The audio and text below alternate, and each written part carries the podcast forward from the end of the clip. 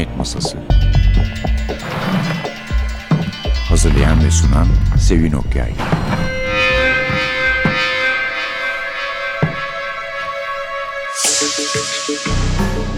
Merhaba. NTV Radyo'nun Cinayet Masası programına hoş geldiniz. Fırsat bulunca size pek altın çağdan olmasa da yine biraz daha hafif, biraz daha eskiden alışılmış biçimde diyebileceğimiz kitaplar takdim ediyoruz. Çünkü biliyorsunuz şimdi seri katiller in ve okuyanlar da memnun kalıyor tahminim ki bu kadar çok basılıyorlar. Bu programda daha önce hiç bir kitabını ele almadığımız bu zaten ilk kitabı bir yazarla birlikte olacağız. İsmi Stefan Arnhem. İsveçli kendisi yani gene İskandinav polisiyesi sınırları içindeyiz. Yüzü olmayan adamın özgün adı Victim Without a Face demiş. Burada bu tabii özgün adı değil bu İngilizce adı oluyor. Koridordan çıktı. Belgin Selen Hak tanır. Türkçe çevirdi. Biz peki nereden aklımıza geldi? Tabii ki Joe Nesbu yaparken geçen hafta Nesbu'dan hadi atlayalım yeni birisine kime? Stefan Arnhem olsun dedim. Ve bakalım merak ediyorum sevecek misiniz gerçekten? Çünkü bir dizi olarak devam etti bu. Burada polisin adı Fabian Risk. Fabian Risk dizisinin şu anda dört tane kitabı var. Ama Stephen Arnhem zaten hiçbir şey yazmadan karşımıza çıkmış birisi değil. Daha önce yazdığı şeyler var. Bir defa tanınmış, güvenilir bir senarist. Neler yazdı senaryo olarak. Hem televizyonda hem filmde, sinemada çalıştı. Gerilimlerden adaptasyonlara, oradan özgün fikirlere, Hatta başlangıçta komedi yazıyordu. Başarılı bir komedi yazarıydı. Aynı zamanda İsveç Yazarlar Birliği'nin yönetim kurulunda ve gene tanıdığımız bir başka yazarla yakından ilgisi var. Çünkü Henning Menkel'in televizyon uyarlamalarının senaryolarını yazdı. Yani kendi ülkesinde özellikle gayet iyi tanınan bir yazar ama Öte yandan bu da gerçekten ilk kitabı.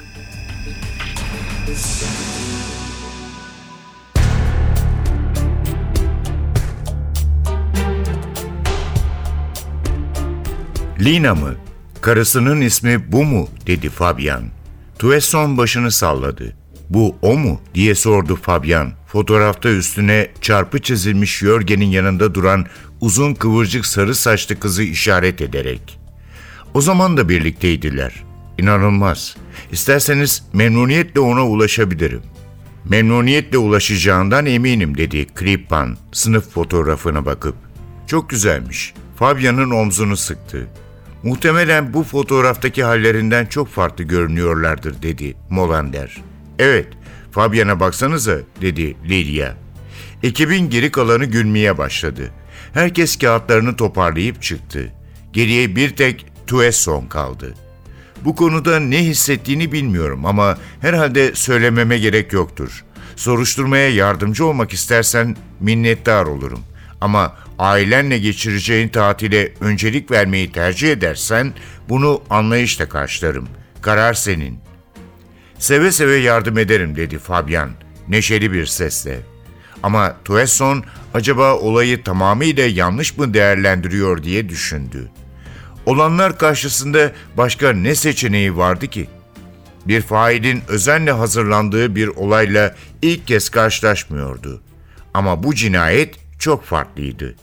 Eski sınıfından birisi vahşice öldürülmüş ve cesedi birkaç gün sonra tam da kendisi ailesiyle birlikte eski şehrine geri döndüğü zaman keşfedilmişti. Elbette bu bir tesadüf olabilirdi ama bir ses ona bunun ancak testleriyle kesilmiş eller kadar tesadüf olabileceğini söylüyordu. Sana açıkça söylemek istediğim tek bir şey var dedi Tuesson, Fabian'ın gözlerinin içine bakıp. Stockholm'de işler nasıl yürüyordu bilemiyorum ama burada bir ekibiz ve birlikte çalışırız. Bu senin için de geçerli. Fabian tamam der gibi başını salladı. Güzel. Bugünden itibaren maaşını başlatmalarını söylerim. Florian denen adam beni içeri alsın diye ismimi rehbere de yazdırırsanız iyi olabilir. Tabii bir giriş kartı da çıkarttırırız. Daha vakit olduğu için masan hazır değil. Ama şimdilik Hugo Elvin'in masasında çalışabilirsin. Dediğim gibi daha birkaç hafta burada olmayacak. Gel de yerini göstereyim. Fabian Tuesso'nun peşinden polis merkezinde ilerlemeye başladı. Ama onun dediği tek kelimeyi bile dinlemiyordu. Aklından çok farklı şeyler geçiyordu. Jürgen Paulson'un bir cinayete kurban gittiğini öğrendiğinden beri bilinçaltını kurcalayan ve yüzeye çıkmayı reddeden bir şey vardı. Ama bu his toplantı sırasında daha da belirginleşmişti. Jörgen'in neden öldürülmüş olabileceğini tartışırlarken ihlal sözcüğünü kullanmış olması tesadüf değildi. Okul hayatı ile ilgili anıları netleşmeye ve yoğunlaşmaya başlamıştı. Jörgen Plasso'nun hak ettiğini bulduğu hissine kapılmıştı.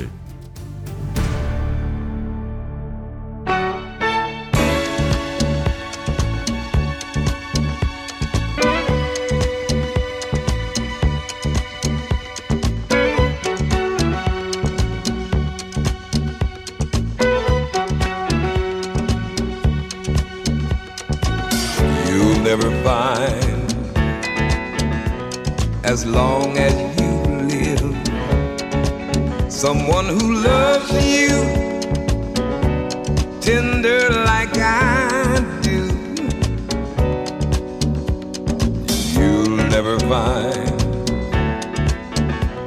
no matter where you search, someone who cares about you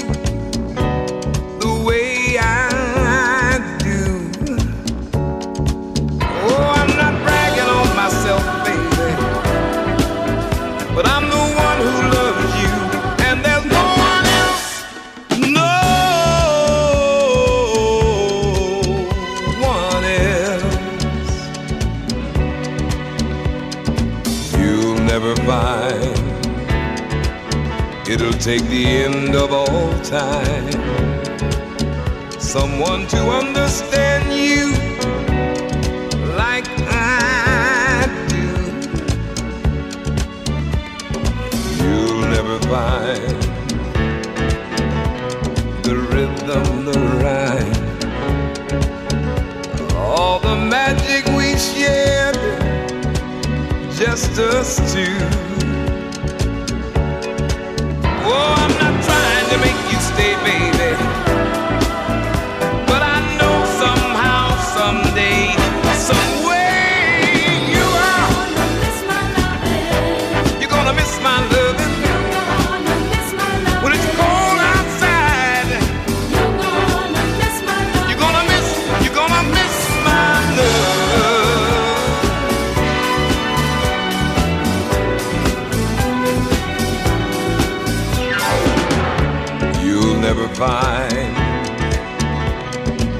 Another love like mine.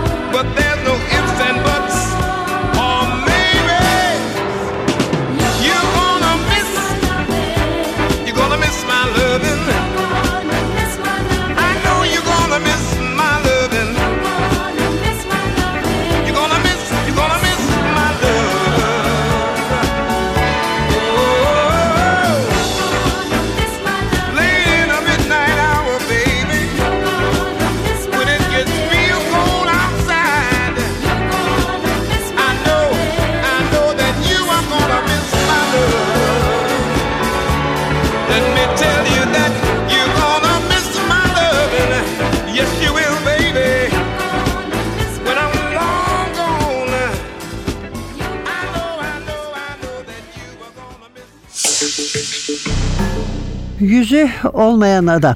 Fabian Risk'in ilk macerası ve yazarı Stefan Arnhem'in de ilk kitabı. Şöyle çok kısa bir şekilde önce özetleyelim. İki adam ölüyor. Bunların ikisi de okuldayken zorbaymışlar.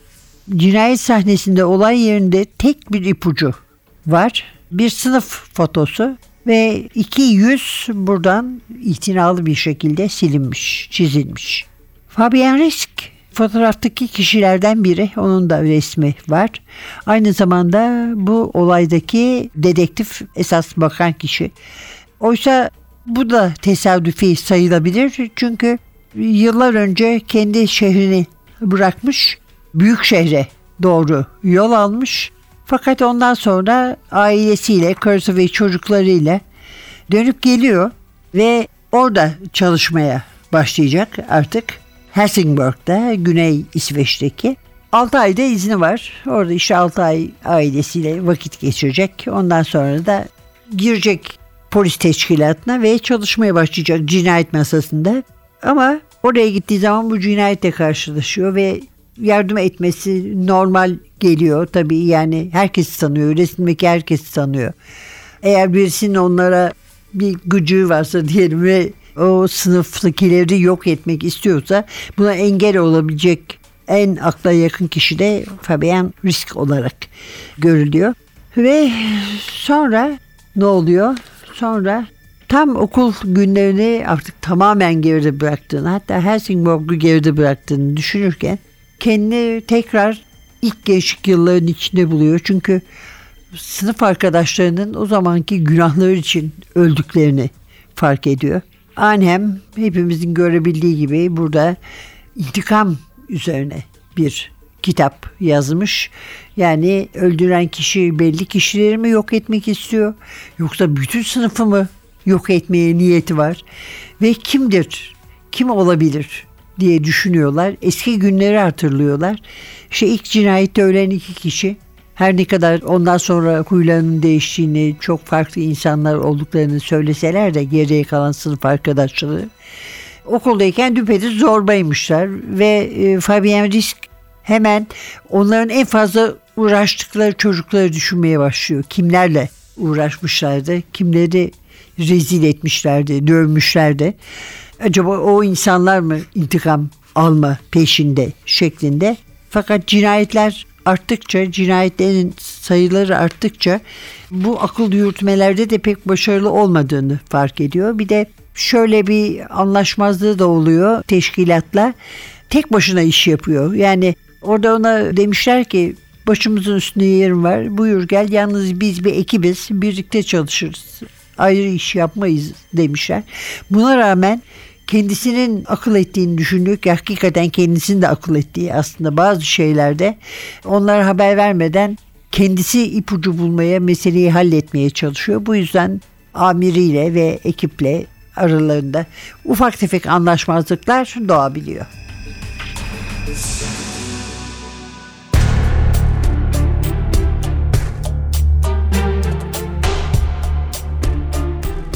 Fabian, Hugo Elvin'in sandalyesine oturduğunda tüm fikirleri tükenmişti. Kafası karışmıştı. Soruşturmadaki hiçbir şey birbiriyle bağlantılı gibi değildi. Glenn'in ayaklarına zarar geleceğini doğru tahmin etmişti. Bütün işaretler Klaes Malvek'i gösteriyordu. Cinayetleri işlemek için nedeni olan birisi varsa bu Klaes'ti. Ama nereye kaybolmuştu? Lydia 1993'ten sonra onunla ilgili hiçbir bilgi bulamamıştı. Adam buharlaşıp uçmuştu sanki. Rune Schmeichel kimdi? Tatildeyken arabası gerçekten de çalınmış mıydı? Yoksa Jörgen ve Glenn'le bir bağlantısı mı vardı? Sınıf arkadaşlığı dışında bir bağlantı. Belki de cinayetlerin okul yıllarıyla bir ilgisi yoktu. Ya sınıf fotoğrafı onları yanlış yöne saptıracak bir girişimse? Fabian geriye yaslandı ve parçaları birleştirmeye çalıştıkça olayı çözmekten daha da uzaklaştığını fark etti. Biraz mola verip Hugo Elvin'in en üst çekmecesini açtı ve içinin boş olduğunu gördü. Çekmecede hiçbir şey olmamasına şaşırıp bir sonrakini açtı. O da üçüncüsü de boştu. Dördüncü ve son çekmece kilitliydi. Bay Elvin kimsenin eşyalarını karıştırmasından hoşlanmıyordu demek. Fabian telefonunu çıkarıp evini aradı. Risklerin evine ulaştınız. Ben Matilda. Selam Matilda, ben baban. Nasıl olduğunuzu merak ettim. Bodrum'da bir hayalet var dedi Matilda. Bir ölüm kalım meselesi söz konusuymuş gibi. Annemle orada onun boya fırçalarını arıyorduk ve ampullerden biri patladı. Değiştirdik ama o da patladı. Kısa devre yaptığından eminim. Hayır, sigortaları kontrol ettik. Bir sorun yok. Annem gerçekten de hayalet olduğunu söyledi. Hayaletler varsa bile iyi türden olduklarına bahse girerim. Annen evde mi? Anne, babam arıyor. Bir hayalet olduğuna inanmıyor. Alo? Fabian, Sonya'nın ses tonundan nasıl olduğunu anlamaya çalıştı ama başaramadı. Ona soruşturmanın asabını bozmaya başladığını ve genç bir kızın ölümüne neden olduğu için vicdan azabı çektiğini anlatmayı istiyordu. Ne hissettiğini birisine anlatması gerekiyordu. Ama o sırada Sonya ile konuşması mümkün olmayacak gibiydi. Demek bodrum katındaki hayaletleri ziyarete gittiniz. Dost canlısı hayaletler miydi? Doğaüstü şeylere inanmadığını biliyorum. Bu arada bodrum katı çok ufak. Çok ufak da ne demek? Olması gerektiğinden ufak. Sanki gizli bir oda varmış gibi ama kapısı yok. Belki de komşulara aittir. Olabilir ama orada bir de fırın bulduk. Bundan haberin var mıydı? Hayır, ne tür bir fırın? Odun yakılan ekmek fırınlarından. Duvardaki bir oyuktan ibaret. Bayağı büyük. Matilda ile çalışıp çalışmadığına bakmanın eğlenceli olabileceğine karar verdik. Bana iyi bir fikir gibi gelmedi. Yanılıyor olabilirim ama emlakçının bacanın kapalı olduğuna dair bir şey söylediğini hatırlıyorum.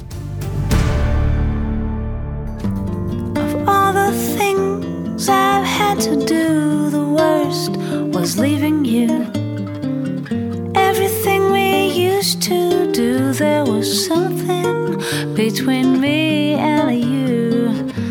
I didn't was right in bringing chaos to the order of my usual life, the smoothness of our quiet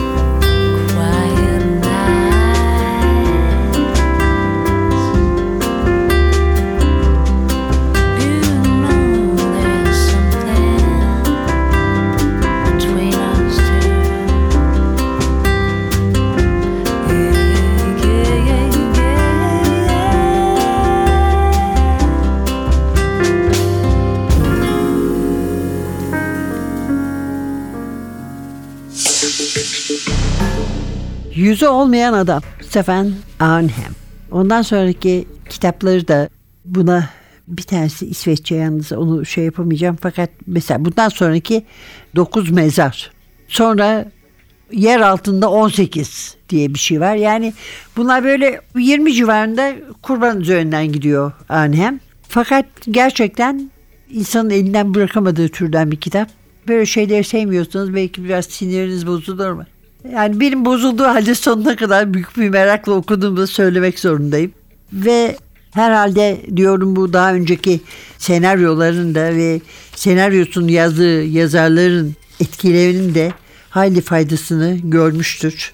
Çünkü dediğim gibi Henning Menkel var bir defa aralarında her şeyden önce. Ve şimdi Menkel'in Kurt Wallender'ından, Stieg Larsson'dan, John Espu'dan ve en eskisi olan Martin Beck'ten sonra hatta onlarla birlikte en çok satan kitapların yazarı da Stefan Arnhem. Arnhem'in şöyle bir ilginç tarafı da var. Disleksik bir çocukmuş. Okumakta çok zorluk çekiyormuş. Kelime oluşturmak için harfleri düzgün sıraya koyamıyordum diyor. Benim için çok zor bir şeydi. Ve sınıfımın geri kalanı İsveççe dersler yaparken tuhaf kokan bir hanım beni sınıfın dışına çıkartır ve elime üzerinde renkli harfler olan tahta bloklar verirdi oynayayım diye.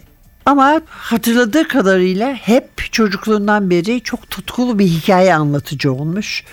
Herhalde diyor tek bir çocuk olarak büyümüş olmam da benim yaratıcılığımı körükledi. Ve çok canlı hayal gücümle baş başa geçen saatler. Büyük babamın sallanan koltuğu benim için uzay gemisinden farksızdı. Ve beni evrendeki bütün gezegenlere taşırdı. Ve öğretmenimin inatla aşağı indirmeyi reddettiği haritada gizli hazinenin nerede gömülü olduğunu gösteriyordu. Ve ondan sonra da disleksiden kurtulup normal okumaya başladığında eğitimini tamamlarken bu hikaye anlatma ve sonradan yazma tutkusundan kurtulmamış, kurtulmak da istememiş. Hatta fiziği ve matematiği bir tarafa bırakarak bu işi yapmaya karar vermiş ve yazar olmuş Arnhem. Biz de size bugün onun Victim a Face, Yüzü Olmayan Adam kitabını sunduk. Koridordan çıktı. Çeviren Belgin Selen Haktanır.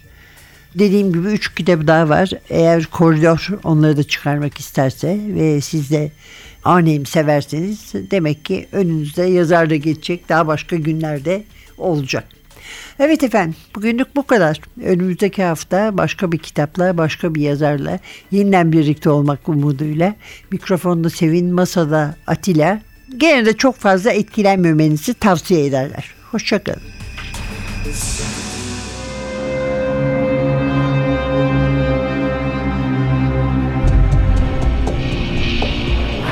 Cinayet Masası Hazırlayan ve sunan Sevin Okyay